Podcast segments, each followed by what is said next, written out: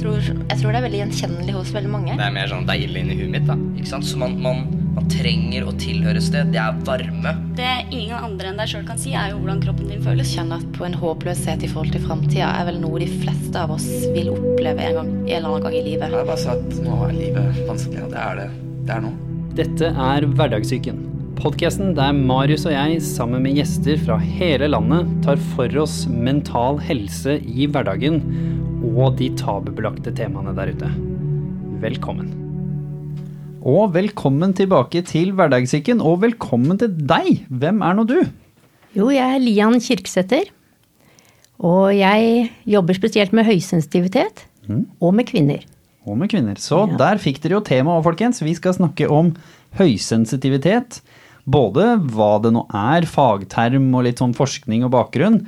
Men også skal vi selvfølgelig snakke om opplevelsen av å være høysensitiv, som det nå har eh, Hva skal vi si, Elian? Det er jo blitt litt mer populært og litt mer akseptert å bruke den termen. Ja. Det har jo eksistert i årevis. Altså det å, å på en måte ta til seg mer av energi som dukker opp rundt oss, enn vanlig. Det har vel eksistert hele veien, men det har blitt mer synlig. Og nå i dag så er det lov, sånn som du sier, altså mer akseptert. Når jeg begynte å jobbe med det rundt 2010-2011, så ble vi litt latterliggjort, da, Ja. når vi snakket om det. Ikke sant? Og det skal vi snakke mye mer om. Vi skal gå i dybden, men før det, folkens, så har det seg sånn at det er noe litt artig. Dere vet jo at jeg har jo en liten oppgatt her på stativet som eh, maskot, og jeg har jo en hel haug av dem på armen, fordi jeg har blitt kalt det siden jeg var liten, fordi jeg var så nysgjerrig, energisk og overalt og ingen plass. Men Leon, du har vokst opp med en apekatt i Norge. Det må vi snakke litt om. Hvordan var det å vokse opp med en apekatt? Eh, Det var spennende. Det var gøy. Og i begynnelsen så ble jeg bitt en god del. Oi, For eh, hun var ni måneder da hun kom til oss, og det var egentlig min søster som fikk henne i elleveårsdagsgave. tidenes gave. Da vet jeg ikke Ja, hva jeg hadde det- gjort hvis jeg hadde fått det som elleveåring. Da tror jeg jeg hadde smilt ennå. Ja, men mamma hadde litt erfaring fordi bestefaren min hadde ape, eller passet på aper før. Så hun kom til oss, og da var hun livredd. Og da bet hun hver gang det var noe. Men så etter hvert så ble hun en god venn og var overalt og klatret høyt i trærne og elsket å kjøre bil. Elsket å kjøre bil, faktisk. Så apekatter liker å kjøre bil. Ja, Som, ja, som hun, på en måte. Ja, i hvert fall henne. Og hun elsket også Altså, hun var litt sånn infam. Ja. Hun kunne sitte bak hekken og vente på at det kom en hund. Og så når det kom, så hoppet hun på ryggen.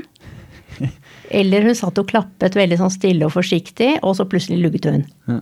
Så det var en liten bølle, altså. Så det er noe i det der med apekattene som er litt bøllete, på en måte. Ja, det var i hvert fall med henne, da. Ja.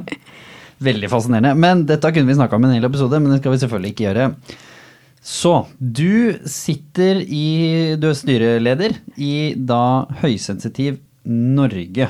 Ja, det stemmer. Ikke sant? Ja. Og før vi dykker ned i dette her, kan ikke du forklare da definisjonen, hvis vi skal kalle det det, på høysensitiv? Hva er nå dette for noe? Altså ca. 20% av befolkningen er født sånn. Og det gjelder både i menneske- og i dyreverdenen. Og det er rett og slett at altså alle er vi sensitive. Bare noen litt mer enn andre. Og vi høysensitive er i den enden av skalaen hvor man er litt mer sensitiv og tar inn mer på ulike områder. Og det er også viktig å få frem at alle vi sensitive også er forskjellige. Absolutt. Så noen tar inn mer f.eks. av lys og lyd, og andre noe helt andre ting.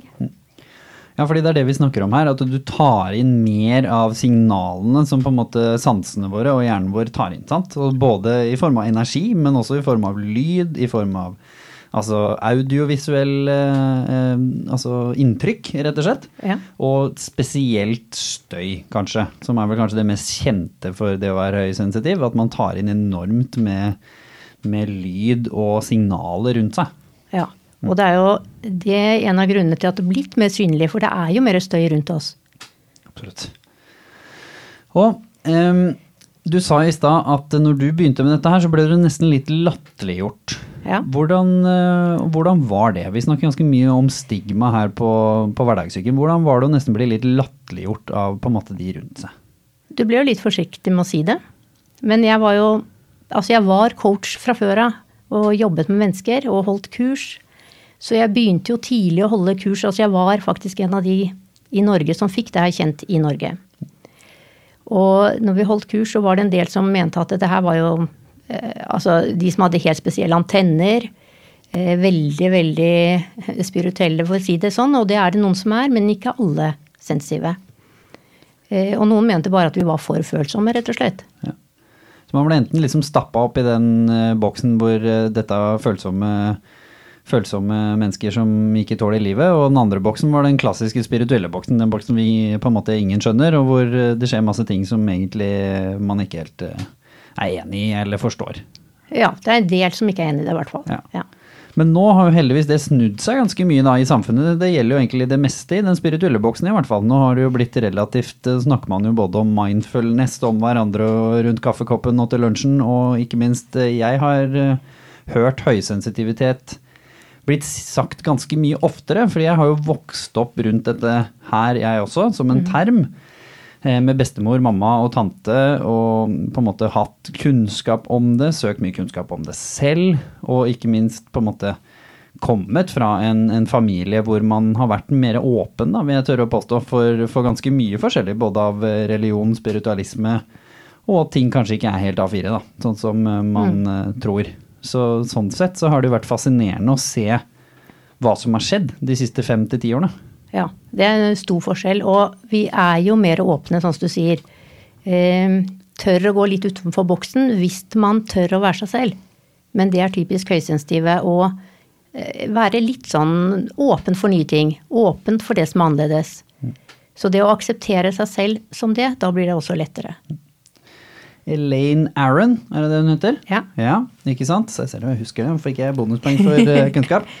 Eh, Jeg husker det var mitt første møte med en eller annen form for forskningsbasert fagkunnskap rundt høysensitiv. Fordi jeg hadde hørt mye om det før, men så så jeg noen YouTube-videoer av Elaine, som jeg også har delt med ganske mange andre etter det. Som eh, er folk hvor jeg har hørt på bakgrunn av hva de har sagt til meg, at jeg har på en måte mistenkt at de kanskje er i den enden av skalaen hvor man er mer sensitiv for eh, impulser. Så jeg sendte det til dem. Jeg husker første gang jeg så det, så fikk jeg to opplevelser. Nummer én var at jeg kjente meg veldig igjen, og hvor det blei litt sånn shit, nå har jeg fått en forklaring og en nesten litt sånn fagterm på noe som jeg har følt og tenkt eh, hele livet. Og den andre var at jeg virkelig ikke kjente meg igjen, fordi jeg er jo en av de få som er utadvendt høysensitiv, som, som er jo en minoritet i majoriteten, eller minoritet i minoriteten, holdt jeg på å si. Så jeg måtte jo gå inn i en sånn ny reise. Nå snakker jo Elaine om det også, men da måtte jeg grave enda mer, da, for å finne litt mer innsikt i, i meg selv. Men hvor viktig har det vært med, med Elaine og andres måte forskningsarbeid for å, å få litt sånn mer tyngde rundt uh, høysensitiv, da, og kanskje bli kvitt noe av den der eh, stigmaen og litt latterliggjøringen? Eh, Det er veldig viktig. Altså forskningen er viktig å kunne vise til. Og de senere år så er det utrolig mange andre som har forsket videre eh, på temaet i ulike retninger. Men Elaine Aron er vel den som har gått foran for oss her nå. Ja, Absolutt. Og hvordan har dere jobbet? da? Du sa jo du er en av de første som, som tok til deg dette her, og du ble møtt med stigma. Hva gjør man da når man blir møtt med stigma? De fleste som blir møtt med latterliggjøring, de klapper jo egentlig bare igjen, og så sier de det aldri igjen, på en måte. Men det var ikke din eh, måte å gjøre det på, så hva var det du gjorde? Eh, Foreningen hadde akkurat startet opp da. Den ble lagt ned nå for et par år siden. Eh, Så jeg tok kontakt. For jeg, jeg var også sånn som jeg leste om det eh, på amerikanske nettsider og kjente meg igjen med en gang. Eh, Så da tok jeg kontakt og lærte mer, og jeg gikk også på kurs hvor eh, Elaine Aron bl.a. var med. Eh, Og jeg har møtt flere og er i grupper nå eh, hvor hun står bak. Mm. Og da gikk jeg sammen med andre som brant for det. Og når vi er flere som brenner for det sammen og føler at det er riktig, da er det lettere å stå på enn om du står helt alene. Da blir det fart. Ja. Så hva slags eh, type arbeid var det da dere har gjort noen de siste årene, da? Ja, jeg må nesten gå litt tilbake, for når vi startet der, så kom jeg inn i Podium, hvor jeg ble leid inn som konsulent for å jobbe med høysensitivitet. Eh, og da hadde vi både kurs, vi jobbet med enkeltpersoner, vi gikk selv på kurs for å lære mer. Og så har det bare gått videre, så jeg jobber som coach og veileder med det. Har skrevet bok og har nettkurs. Eh, Ja, altså jeg ønsket rett og slett å be, eh, få budskapet ut og få en forståelse så andre kan finne seg selv på en bedre måte. Ja, fordi noe av utfordringen med høysensitivitet, spesielt kanskje frem til da de siste årene, har jo vært at veldig mange har opplevd å være høysensitiv, og er jo det. Du får ikke gjort noe med det, label eller ei, diagnose eller ei, på en måte. Men de har jo ikke fått noe forståelse, og de har ikke fått noe kunnskap, kanskje enda viktigere, som var jo litt samme opplevelsen som jeg hadde også. Så hvordan på en måte har dere sett på disse tingene her, da? Fordi hva slags utfordringer får man når man, når man opplever å ha, eller å være annerledes i et samfunn, og så har man ikke noe kunnskap, og det er ikke noe diagnose, det er ikke noe Det er ingenting å finne eller gjøre med saken. Nei, og siden det ikke er diagnose, kan du heller ikke få noe hjelp fra det offentlige. Eh, Det vi ser er jo at mange sliter og ikke blir akseptert, og så prøver de eh, å støtte opp kanskje foreldre, skole, eh, andre steder, og få det til å bli en tøffere person. Men det blir ikke riktig, for det blir ikke den personen, og at de må lære seg å tåle mer. Men da blir du bare sliten. Du kan godt tåle veldig mye, men du må lære deg da å ta dine grenser og vite hvor du skal stoppe opp, og hvor du kan kjøre på. Og når du skal stoppe opp, og når du kan kjøre på. Eh, Og hvis det ikke blir akseptert at du er den du er, med dine følsomheter, og kanskje at du trenger å roe ned, enn å stå på. For det var noe av det mest påfallende med Elaine sine videoer på YouTube. Så jeg så jo liksom de så jo alle jeg fikk hendene mine på sånn i starten der, sant. Det er litt det der av hva det egentlig er. For en ting er definisjonen som vi tok i stad, men hvordan er det å være en høysensitiv person? Så hvis du skal starte med din eh, vinkling, så kan jeg ta min etterpå. Hvordan, hvordan har det vært å være deg i da det vanlige samfunnet vårt her i Norge? Altså Jeg kan jo begynne tidligere, før jeg visste hva det var. Det var jo det at jeg følte meg annerledes enn både familie, venner, andre.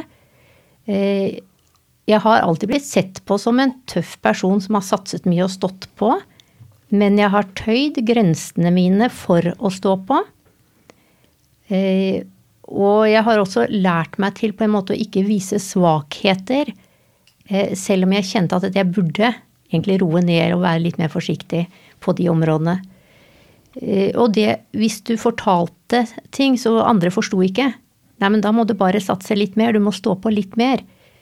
Eh, Du må skjerpe deg, som Ja, er et ord som går veldig igjen i mange episoder i hverdagssyken og mange utfordringer i livet. Det er liksom De som ikke forstår, de sier bare skjerp deg. Ja. Også samme i skole, altså der skal du bli litt tøffere. Du må litt mer frem. Må vise deg litt mer.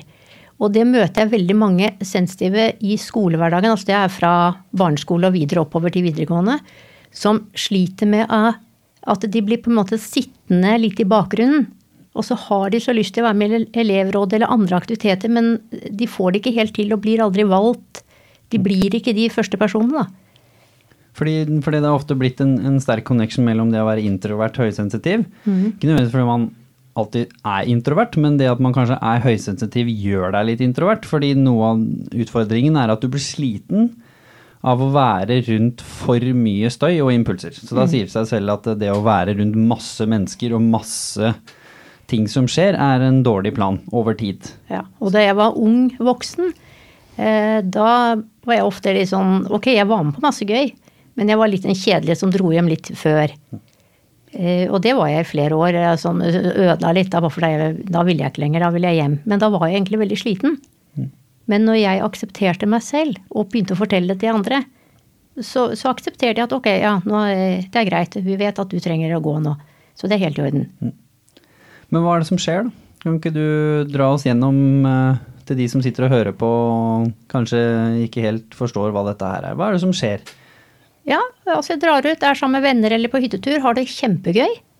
Og så kommer det til et punkt hvor det ikke er gøy lenger, for da har jeg fått nok. Altså jeg er mettet av det rundt meg, og er sliten. Og da trenger jeg egentlig å være alene. Eller i hvert fall kunne slappe av.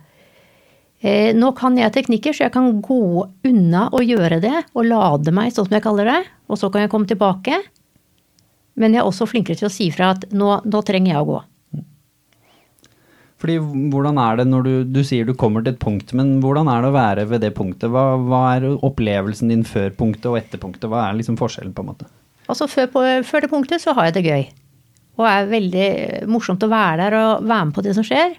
Og så begynner du å kjenne at du blir litt sliten. Og så eh, var det sånn at jeg begynte å se på klokka. Jeg får bare være én time til, da. Ja, én time til holder jeg nok ut. Og så på en måte setter jeg på meg en fasade som ikke er meg, og så spiller jeg en rolle. Og så har jeg egentlig ikke lyst til å være der lenger. Det er ikke det at de andre ikke er hyggelige eller noe, for det er de. Men det er bare at da har jeg fått nok. Og bli trøtt, bli frustrert, bli irritert inni meg. Utenom kanskje å vise det ut, da. For det blir rett og slett for mye Altså mye støy, sant? så det blir, det blir slitsomt å følge en samtale. Du hører alle sammen snakker samtidig. Det blir en ball av støy. Det liksom begynner å påvirke deg energisk. Det er, liksom, det er sånne type opplevelser som man ofte får beskrevet. Sant? Hvor, det, hvor det går fra at, som du sier, at alt er bare gøy og helt vanlig, til at det da rett og slett blir en belastning å være i nærheten av støy og impulser og mennesker. Ja, og og- for dyr. Og det er jo ikke bare stemmene og alle som er der, men det er, du, kan, du registrerer og ser så mye mer. Du tar inn så mye bare med at det kommer en inn, en går og snakker der borte. I tillegg til at du sitter og snakker med de du snakker med. Yes. Men jeg hører med de jeg jobber med av yngre mennesker i dag, at mange av de sliter med å si ifra, for de føler seg at de blir eh, sett på som noe rart nå. At de ikke passer inn.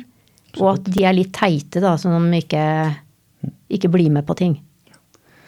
Fordi jeg har jo prøvd å beskrive dette ganske ofte.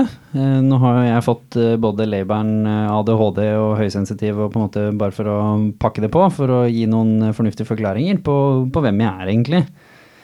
Som er jo litt det at hvis jeg er på et sted hvor det er masse mennesker, og sånn opplevde jeg fra jeg var ung, så er det som du sier, så, så sitter jeg der og sitter og prater med noen f.eks. i en sofa, og så er det en hjemmefest f.eks så ser jeg og registrerer bevisst det som kanskje veldig mange andre har underbevisst, og derav ikke nødvendigvis blir sliten av det, fordi det gjør ikke noe inntrykk. De, de må ikke forholde seg til den informasjonen. Så må jeg forholde meg til all informasjonen jeg ser. Som du sier, jeg ser en som går bak der, jeg ser en som er i ferd med å falle der borte, som driver og surrer med et eller annet. Jeg ser kanskje to stykker som driver og snakker sammen der, og så får jeg med meg litt av den samtalen, og så var kanskje det litt interessant. Så er det en som prøver å snakke til meg samtidig. Ser jeg to stykker som danser, så ser jeg en jeg liker oppe i høyre hjørne. Og så ser jeg og hører alt dette her samtidig. Og da på en måte på et eller annet tidspunkt så blir det rett og slett litt mye. Hvis man har mye energi og er uthvilt og frisk og rask, så klarer man faktisk å skille mye av den informasjonen. Så man, man rett og slett føler seg som litt sånn supermenneske nesten.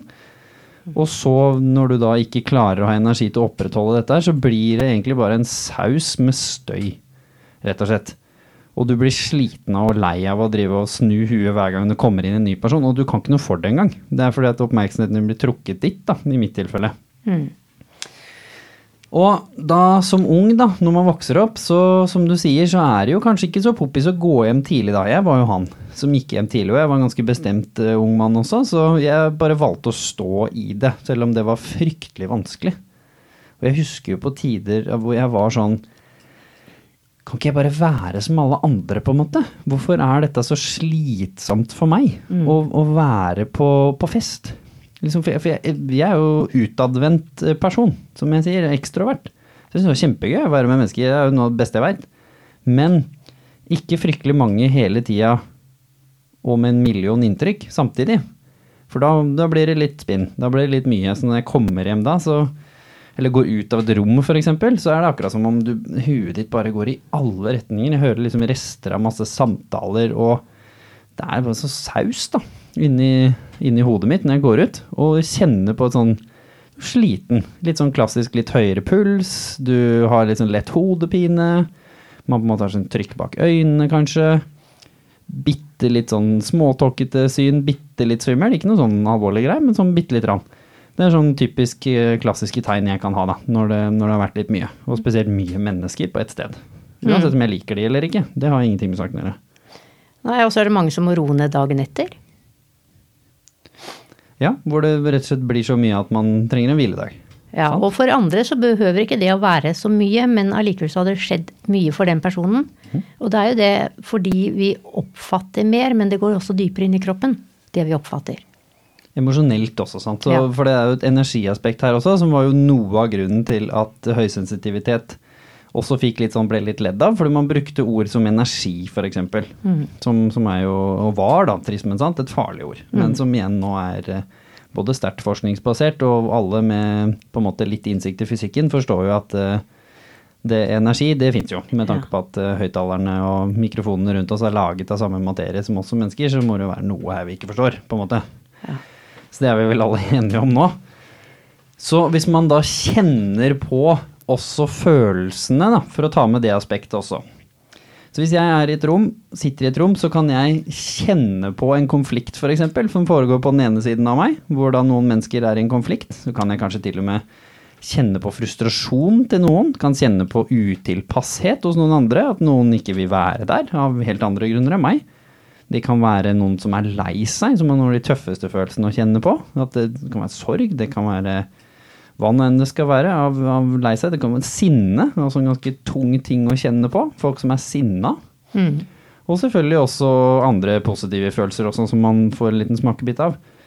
Mens når du da er omgitt av sånne små energipoder rundt seg, og så stjeler man litt av det, da, for å bruke et enkelt uttrykk, som du tar med deg inn i din egen energi, så blir det jo ubalanse i din energi. Og du kan bli tappet, da, som er kanskje et enkelt uttrykk å bruke. At man føler sin egen energi blir litt lavere og i ubalanse, og da ergo blir man fysisk og psykisk sliten.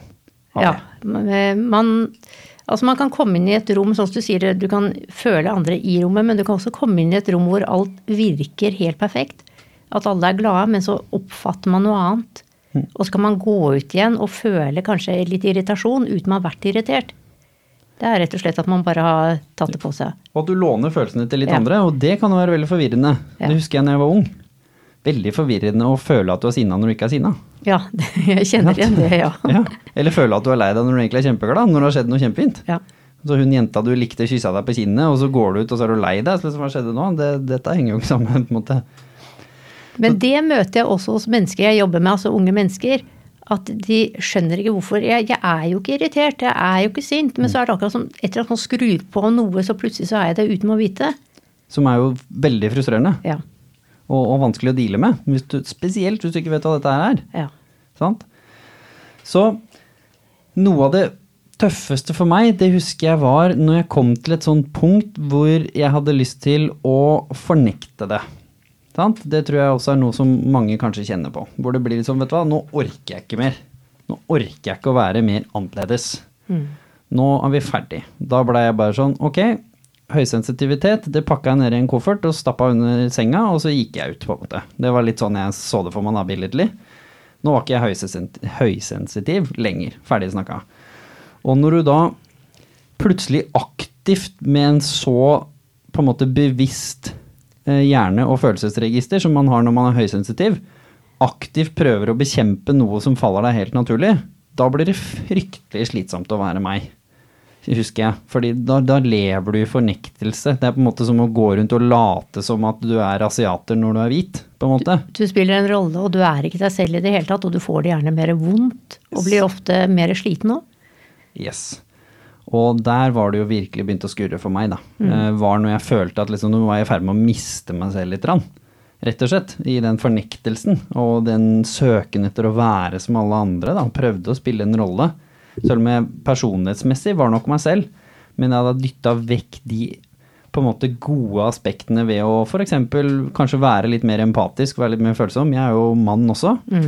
Veldig vanskelig det å bli assosiert med sånne egenskaper. Å kunne lese andres følelser, kunne være kanskje ekstra empatisk, eh, følsom, omtenksom. Dette er jo eh, tradisjonelle feminine trekk som, som jeg ble mobba for, rett og slett, når jeg vokste opp. Ble jo fort labeled som, som homo og som raring og som eh, ikke sant, alle mulige rare ting som fulgte med.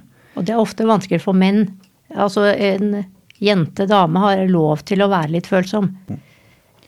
Men dere får jo en helt annen label igjen, og det er jo litt den derre svak, Ja. sant? Som du nevnte i stad, den derre Nei, du, du er bare en sånn sensitiv, eh, skjør, eh, skjørt menneske, du, på en måte. Så hvordan har stigmaen rundt det vært, både for deg selv og med de andre du har jobba med?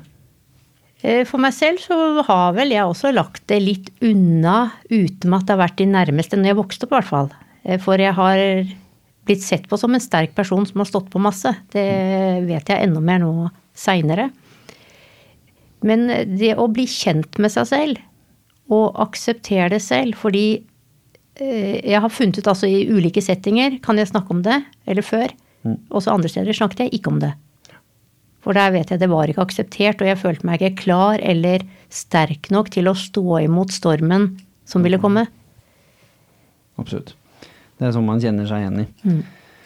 Men hvorfor tror du det er liksom at det blir så enkle labels som blir brukt, da, som f.eks. skjør? Det er et veldig sånn term for, for kanskje kvinner da, som, som eh, blir fort sliten da, eh, i en sånn kontekst. Så for folk da som ikke har noe kunnskap, så, så blir det fort brukt ah, du er så skjør, er, det er alltid noe med deg. Ja, men det er jo også mer her i Vesten at vi skal være litt mer perfekte. Vi skal være gjerne utadvendt selv om du ikke er det. Og du skal gjerne være en som står på og satser. Hvis du leser, og spesielt for noen år tilbake, med jobbannonser. Det er ikke mange høysensitive som ville Eller mange legge, la de bort, for når de leste hva de søkte etter, så kjente jeg at nei, det her er ikke noe for meg. Jeg er jo ikke i den gruppen i det hele tatt. En som vil satse, ja, men en som vil stå på kanskje litt mer enn det normale. Utadvendt. Eh, Så det ble bedt om for mange ting i forhold til hva mange er, da. Absolutt. Og så litt sånn tilbake til uh, historien min, da. Så jeg lever i fornektelse her. Har stappa det unna. Hadde egentlig ganske godt forhold til dette her når jeg vokste opp. Selv om jeg ble mye mobba for det, så var det også, fikk jeg mye godt ut av de ferdighetene. Og jeg ble kjent med de og var nysgjerrig, og takket være bestemor og mamma og sånn. Så, så levde jeg nok egentlig ganske godt med det som jeg var ung. Og så kommer jeg liksom til det punktet hvor jeg havner i en ny flok igjen, da, for meg. For det blir jo at høysensitive, når jeg fikk litt kunnskap om dette selv, står det at man trenger tid for seg selv. Sant? Man skal hvile, man skal lade opp. Men for meg så funka jo ikke det. Fordi jeg var jo en person som lada på en annen måte. Så ordet lade var nok riktig, men jeg forsto jo lade som å hvile. Sove og eller Ja. ikke gjøre noen ting. Og det å være helt aleine, f.eks. Som, som ikke funka for, for meg. Fordi jeg hadde jo voldsom energi fra, fra ADHD-biten. Eh, som gjorde at eh, det, det var en dårlig plan å prøve å få en ADHD-unge til å høysensitiv ADHD-unge til å sitte for seg sjøl. Da ble det mye tanker Ja. som ikke nødvendigvis var så konstruktive der og da. Så det prøvde jeg jo litt, og så blei jeg litt sånn hvor jeg blei, vet du hva? Hva om jeg prøver å utfordre sannheten litt? Hvor jeg sier at la meg lade ved å gi og se på energi som det det egentlig er, som er jo en, altså en utømmelig energistrøm. Det går jo ikke tom for energi, sånn rent sånn fysisk sett i hvert fall. Sove må man jo, men det gjorde jeg jo som vanlige folk. Og så, med en gang jeg snudde perspektivet, nummer én, aksepterte meg selv for den jeg var, og ikke som hva nå det var, og begynte å undersøke det, mye mer nysgjerrig som den apekatten jeg var kjent for å være, sant? Jeg søkte informasjon med Elaine, med andre, og med dyktige fagfolk rundt meg, og i det hele tatt. Og selvfølgelig bestemor, mamma og tante og de som, som kunne noe om dette her. Da skjedde det noe spennende. For da begynte jeg å pushe grenser og utfordre meg selv på en god måte. Hvor jeg begynte liksom, hva kan jeg bruke dette til? Det er jo egentlig ganske nyttig det, å kunne lese et rom eksempel. Eller å lese energien eller følelsesstemningen til folk du er glad i da. Eller folk som er rundt deg. Da blir du plutselig en ganske god venn da. Og så begynte jeg liksom å oppdage de tinga der, og så skjønte jeg det at for meg, som en ekstrovert høysensitiv person, som selvfølgelig da i tillegg har den ekstra fysiske eh, energien med ADHD, så hviler og lader jeg ved å f.eks. har dype, gode samtaler med én eller to personer. Blir det støy, fest, det, det går ikke. Det blir mas over tid. Går fint til et visst punkt, men klokka ett eller tolv så går jeg hjem. Da er jeg fornøyd. Da har jeg kosa meg, og da går jeg hjem og klarte å stå i det. Det gikk greit. Og som du sa, jeg sa fra. Ja. Og det å eh, tørre å være seg selv og akseptere, men det er jo det å lade, og lade kan gjøres forskjellig, og den er viktig. Altså noen er jo kreative, som kan sitte og sy, tegne, gjøre et eller annet, og da lader de. Ja, hvilke forskjellige måter med lading har du f.eks.? Du er kreative. Du har meg som kanskje lada ved idrett, eh, natur, aktivitet og dype samtaler. Ja. Eh, og jeg lada faktisk med kino, eh, tro det eller ei. Fordi da får jeg jo masse inntrykk. Jeg er jo litt mer enn de andre som ser på film, men det, folk er jo stille, sant? Så det var jo relativt rolig rundt meg, og jeg gjorde noe jeg syntes var gøy. Ja. Og eh, musikk fikk jeg veldig mye gode opplevelser ut av. Å sitte hjemme og høre på musikk, da klarte jeg å roe sinnet mitt litt. Rann. Men hvilke andre lademetoder er det som, som dere har vært borti, da? Altså, først og fremst er det å finne ut selv. Eh, veldig mange liker å være i naturen, gå en tur.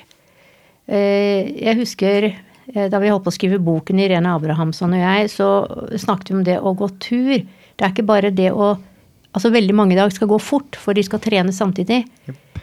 Men da får du ikke den roen av turen, og spesielt ikke vi høysensitive, da. Men bare gå og oppleve. Eh, men eh, noen kan lade ved å jogge. Mm. Så det, det er viktig med egne ting, eller være sammen med dyr. Eh, sitte sånn som du sier, altså i samtale med én eller noen få som du har tillit til og du kjenner og det er trygg på. Eller bare gå ut og bare se på livet. Eh, Det var en ting jeg har Når jeg vokste opp, så var jeg veldig heldig å kunne reise mye rundt i verden. Og jeg elsket å sitte i resepsjonen, blant annet, hvis vi var på et hotell. Eh, Og det var når jeg var seks år òg. Bare sitte der og se på folket. Så noen kom til og med og spurte foreldrene mine om jeg ble jagd ut av rommet. Men, men det var bare at jeg koste meg med å sitte og observere og lagde historier og følte litt mer med de som var der. Fordi du blir en ekstraordinær observatør, Ja. Rett og slett. Ja. For du tar inn så mye informasjon at du klarer å lage deg ganske gode bilder på hva som foregår. Det er ganske spennende hvis man er ung. Ja. Og så en annen ting var når jeg gikk i skolemusikken. Så var vi på tur, og så hadde de med filmkamera, så det var en som filmet eh, oss på turen, da. Og det, det ble jo mye latter når vi skulle vise frem for foreldrene, og da hadde ikke vi musikantene sett selv heller. Men hver gang kameraet kom på meg, og jeg sto med ryggen til, så snudde jeg meg. Så jeg oppfattet det utenom å se det. Som også er en evne som, som man har. Men også når du snakker om å gå i natur, så er det jo litt morsomt å tenke på at når man går i natur og er høysensitiv, så, så kan du faktisk nyte naturen enda litt bedre. Fordi du tar jo inn mer av det vakre med naturen. Altså både visuelle detaljer, lyder, Ja. energien, roen. Så du kan jo faktisk få en litt sånn ekstraordinær opplevelse hvis du skrur på høysensitiviteten virkelig, da, og, og koser deg i naturen og faktisk vrir litt på huet og, og er til stede. Ja, og vi har lettere for å få altså eksempel en blomst, da. Vi kan glede oss over den ene blomsten som står der, mer enn det veldig mange andre klarer. Og sånn som du sier, med fuglekvitter, med lyd. Og det å være alene, enten du går i naturen eller bare du sitter hjemme alene, vi har fantasien, vi har det spennende. Vi er så kreative og fantasifulle og kan ha det veldig fint alene eller bare sammen med noen få. Ja, fordi nå har vi jo gått inn i de tingene vi har gjort da, som, som hjelper. Så hva er liksom de første stegene som, som dere har sett eh, er viktig å ta, hvis folk sitter og hører på nå og kanskje føler at hm, her er vi kanskje inne på noe, jeg også føler det sånn. Mm. så jeg tenker, ene er å lære mer om det. Eh, finne ut hvor du er mer sensitiv enn, og hvor du er mindre sensitiv. Hvor du trenger å sette grenser.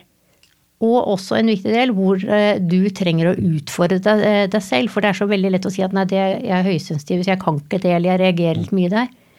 Men vi kan utrolig mye, bare du lærer deg hvor du trenger å utvide, og hvor du trenger å bremse, og når du trenger å bremse. Eh, og det å akseptere at sånn er jeg, ferdig med det.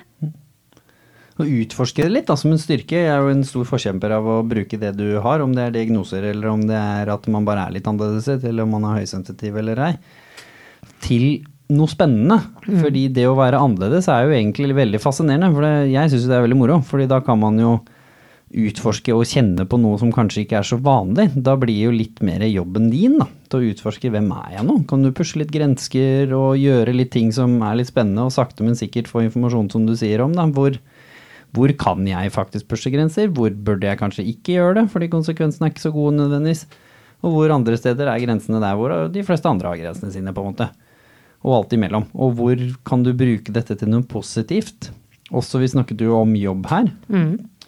Jeg har jo brukt det ganske til min fordel i jobb. Jeg har hatt eh, jobber hvor Det har vært veldig mye informasjon involvert. Eh, man har hatt nødt til å ha god kontroll på mye samtidig i hodet sitt, uten nødvendigvis et, altså et system i det foran deg.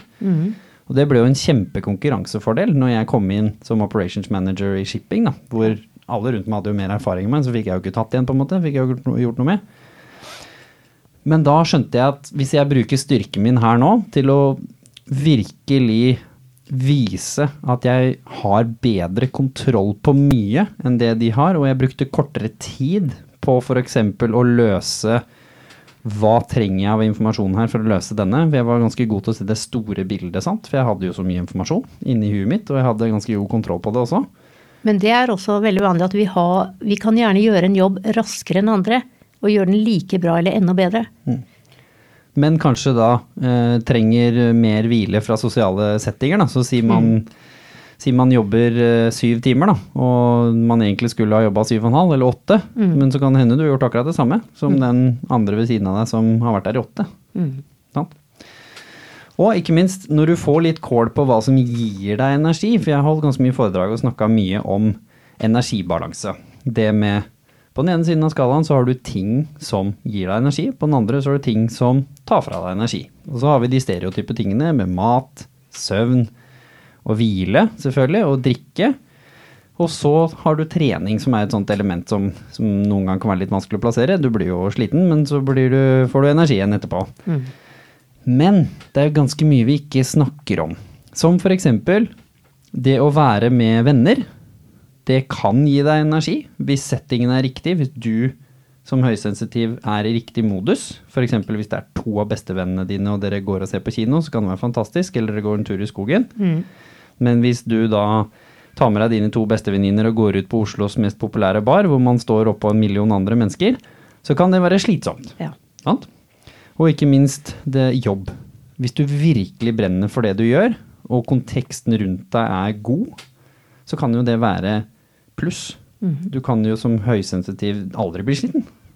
Rett og slett. Hvis, hvis konteksten er god. Ja, men da er det også viktig at du bare har en liten grense og stopper opp og tar noen pauser, selv om du virkelig brenner for det. Ja, Men da får du energi av det du gjør. nettopp.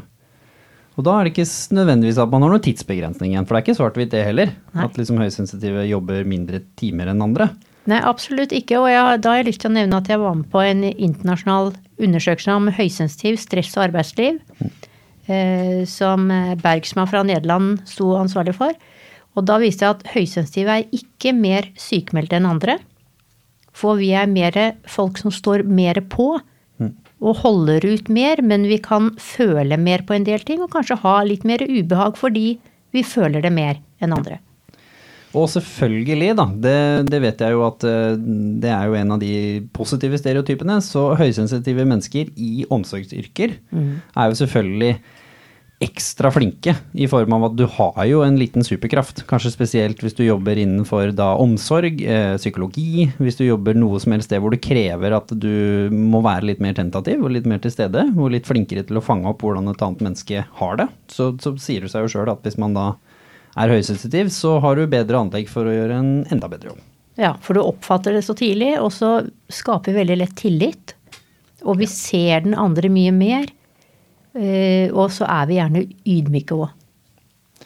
Absolutt. Og jeg er jo en intervjuer, hovedintervjuer av mennesker jeg ikke har møtt, stort sett. Det er jeg 100% sikker på at jeg ikke hadde fått til. Hvis ikke det var for at jeg hadde begynt å utforske mine høysensitive evner. Eh, og den tilliten som du snakker om, er jo det veldig ofte folk beskriver når de har blitt intervjuet av meg, hvor de er litt sånn sjokkert.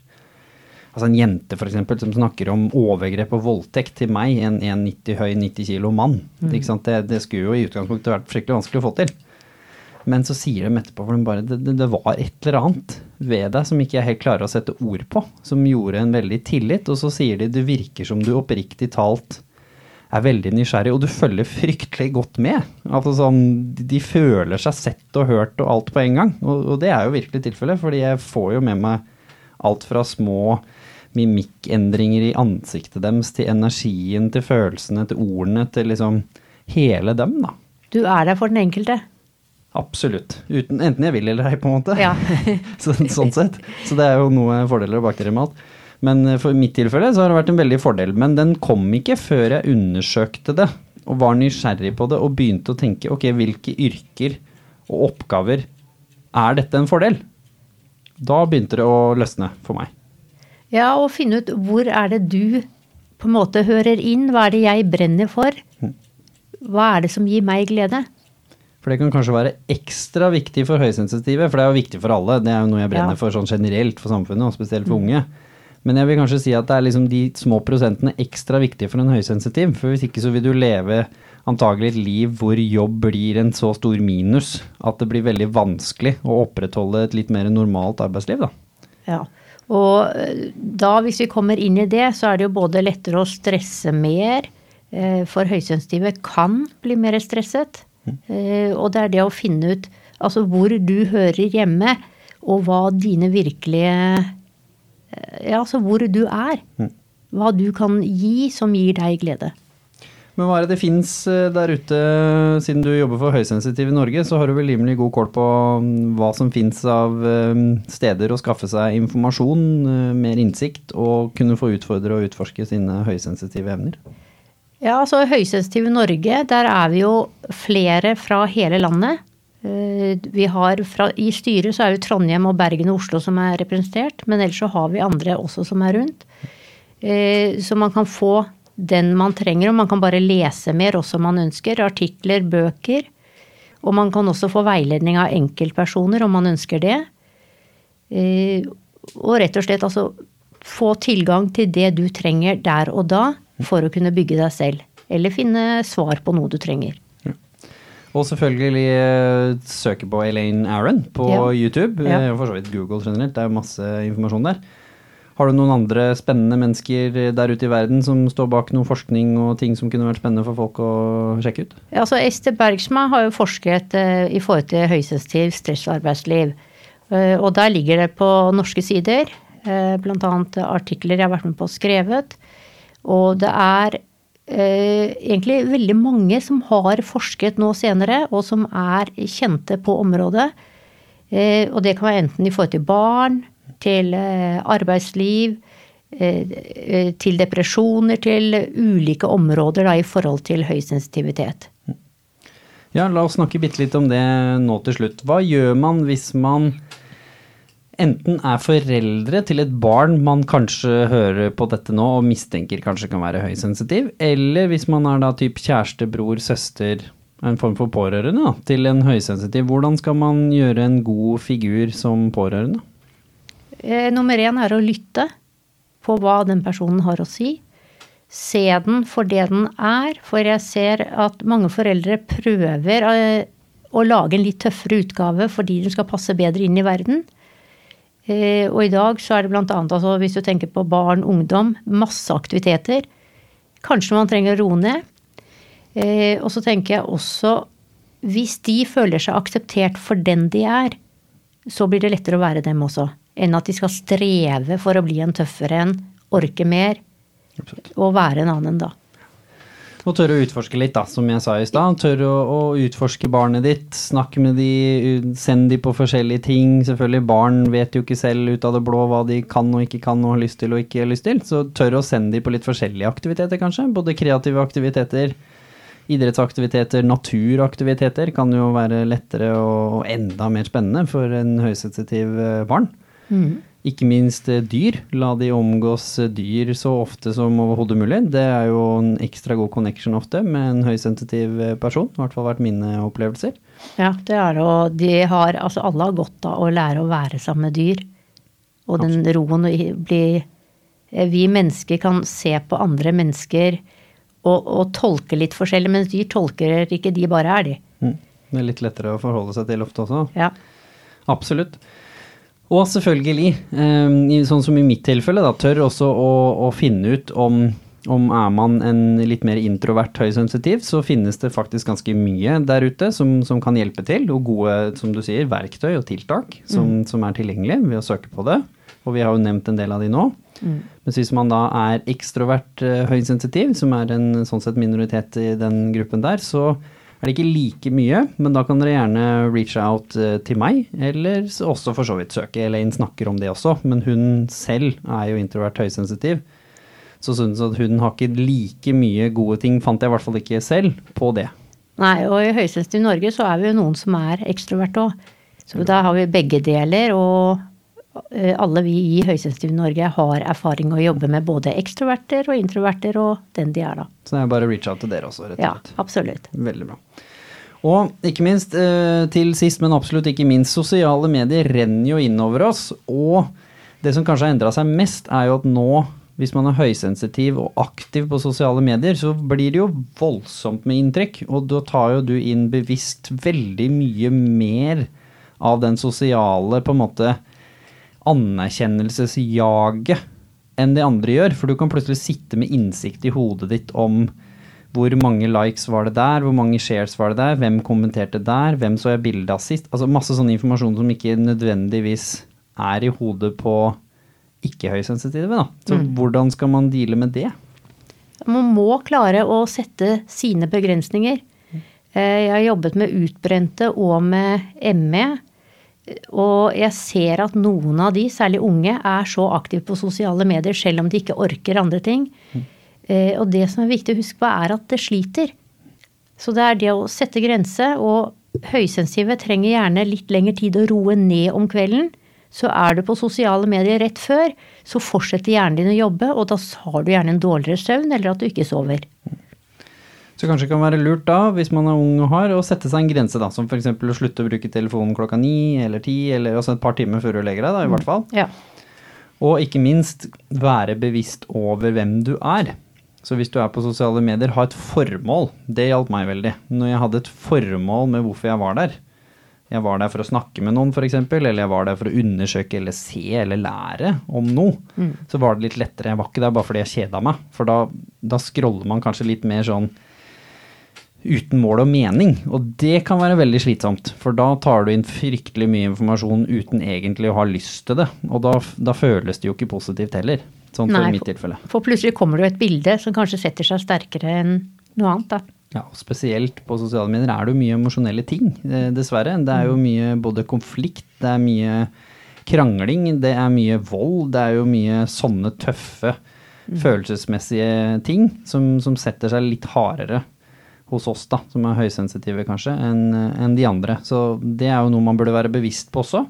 Også i livet, både i forhold til musikken man hører på, eh, filmene man ser på, serien man følger, kanskje spesielt før man skal legge seg. Kanskje ikke se på ting som er veldig emosjonelt krevende før man går og legger seg, for da kan du ende opp med å sovne inn med en dårlig følelse. Og det er ikke nødvendigvis bra heller når man ser på søvnforskning i forhold til eh, det å sove godt da, og få en god utladning til dagen etterpå. Nei, for det siste du har i hodet før du sovner, det blir gjerne med deg. Yes. Så der var det mye gode råd også, og jeg har brukt kosthold på en veldig god måte, tror jeg. Jeg har hatt gode opplevelser. Jeg husker jeg diskuterte det mye med, med moren til Mari også, eh, i forhold til det å faktisk eh, spise en del renere og sunnere har vært fint for meg. Holde meg unna sukker og andre ting som kan også trigge energien eh, og altså blodsukkernivået ditt, sånn at det går veldig opp og ned så har jeg spist litt mer stabile ting, som gjør at det på en måte kanskje inntrykkene og energien min er litt mer stabil, da, som viser seg at det har hjulpet meg. Og så også ved trening fått mine pauser. Det har også vært veldig fint for meg, da. Det har vært litt min mentale eh, oppladning. Selvfølgelig fysisk så, så blir man jo sliten av å trene, men mentalt så fikk jeg jo en pause, for det var jo ikke så mye inntrykk, for jeg fokuserte jo på gjerne idretten jeg drev med, eller da treningsoppgaven jeg drev med. Da var det litt lettere. Men for, fra forskning så har det jo vist seg det at veldig mange sensitive reagerer mer på mat. Spesielt sukker, kaffe, alkohol. Ikke alle, men mer. Og veldig mange har en eller annen form for matintoleranse. Ja, og det også kan jo være fint å sjekke. Jeg har jo aldri drukket alkohol, jeg har bare smakt det litt når jeg var ung. Eh, Jeg har aldri prøvd kaffe, eh, og spiser veldig lite sukker. Og har hatt veldig gode opplevelser og erfaring med det. Så dere kan jo gjerne prøve i noen uker. Og kutte gjerne ut én ting av gangen. Det er jo en sånn fin testmetode. Og se hvordan påvirker dette meg. Har jeg det bedre nå, eller hadde det ingen effekt? Og selvfølgelig måle litt gleden ved de forskjellige tingene også, men mye av dette er jo bare holdt på å si uvaner og dårlige vaner. Det, man, man, gjør ting ubevisst, så i hvert fall sørg for at uh, om du ønsker alkohol, sukker og eller kaffe i livet, at det er bevisste valg, ikke vaner, som kanskje egentlig gjør livet ditt vanskeligere. Da. Ja, men for min del så har jeg lyst til å nevne da at uh, jeg har hatt matintoleranse Det begynte vel egentlig før jeg var fem, tenker jeg. Uh, og det ble verre. og det er typisk også med en del tester man tar, så blir det ikke synlig. Men er, for meg så reagerer jeg veldig på søtt. Og på en del andre ting, så det er masse jeg ikke kan spise. Eh, jeg trodde jeg var hypokonder i en lengre periode. Eh, men så fikk jeg vanlig Tine yoghurt naturell, og så reagerte jeg veldig. Og så sier jeg til mannen min at her må det være 70. Nei, men det er jo yoghurt naturell, det ser du jo. Eh, og så skjønte jeg ikke, for jeg hadde typisk reaksjon med blemmer i munnen og influensasymptomer ganske kjapt.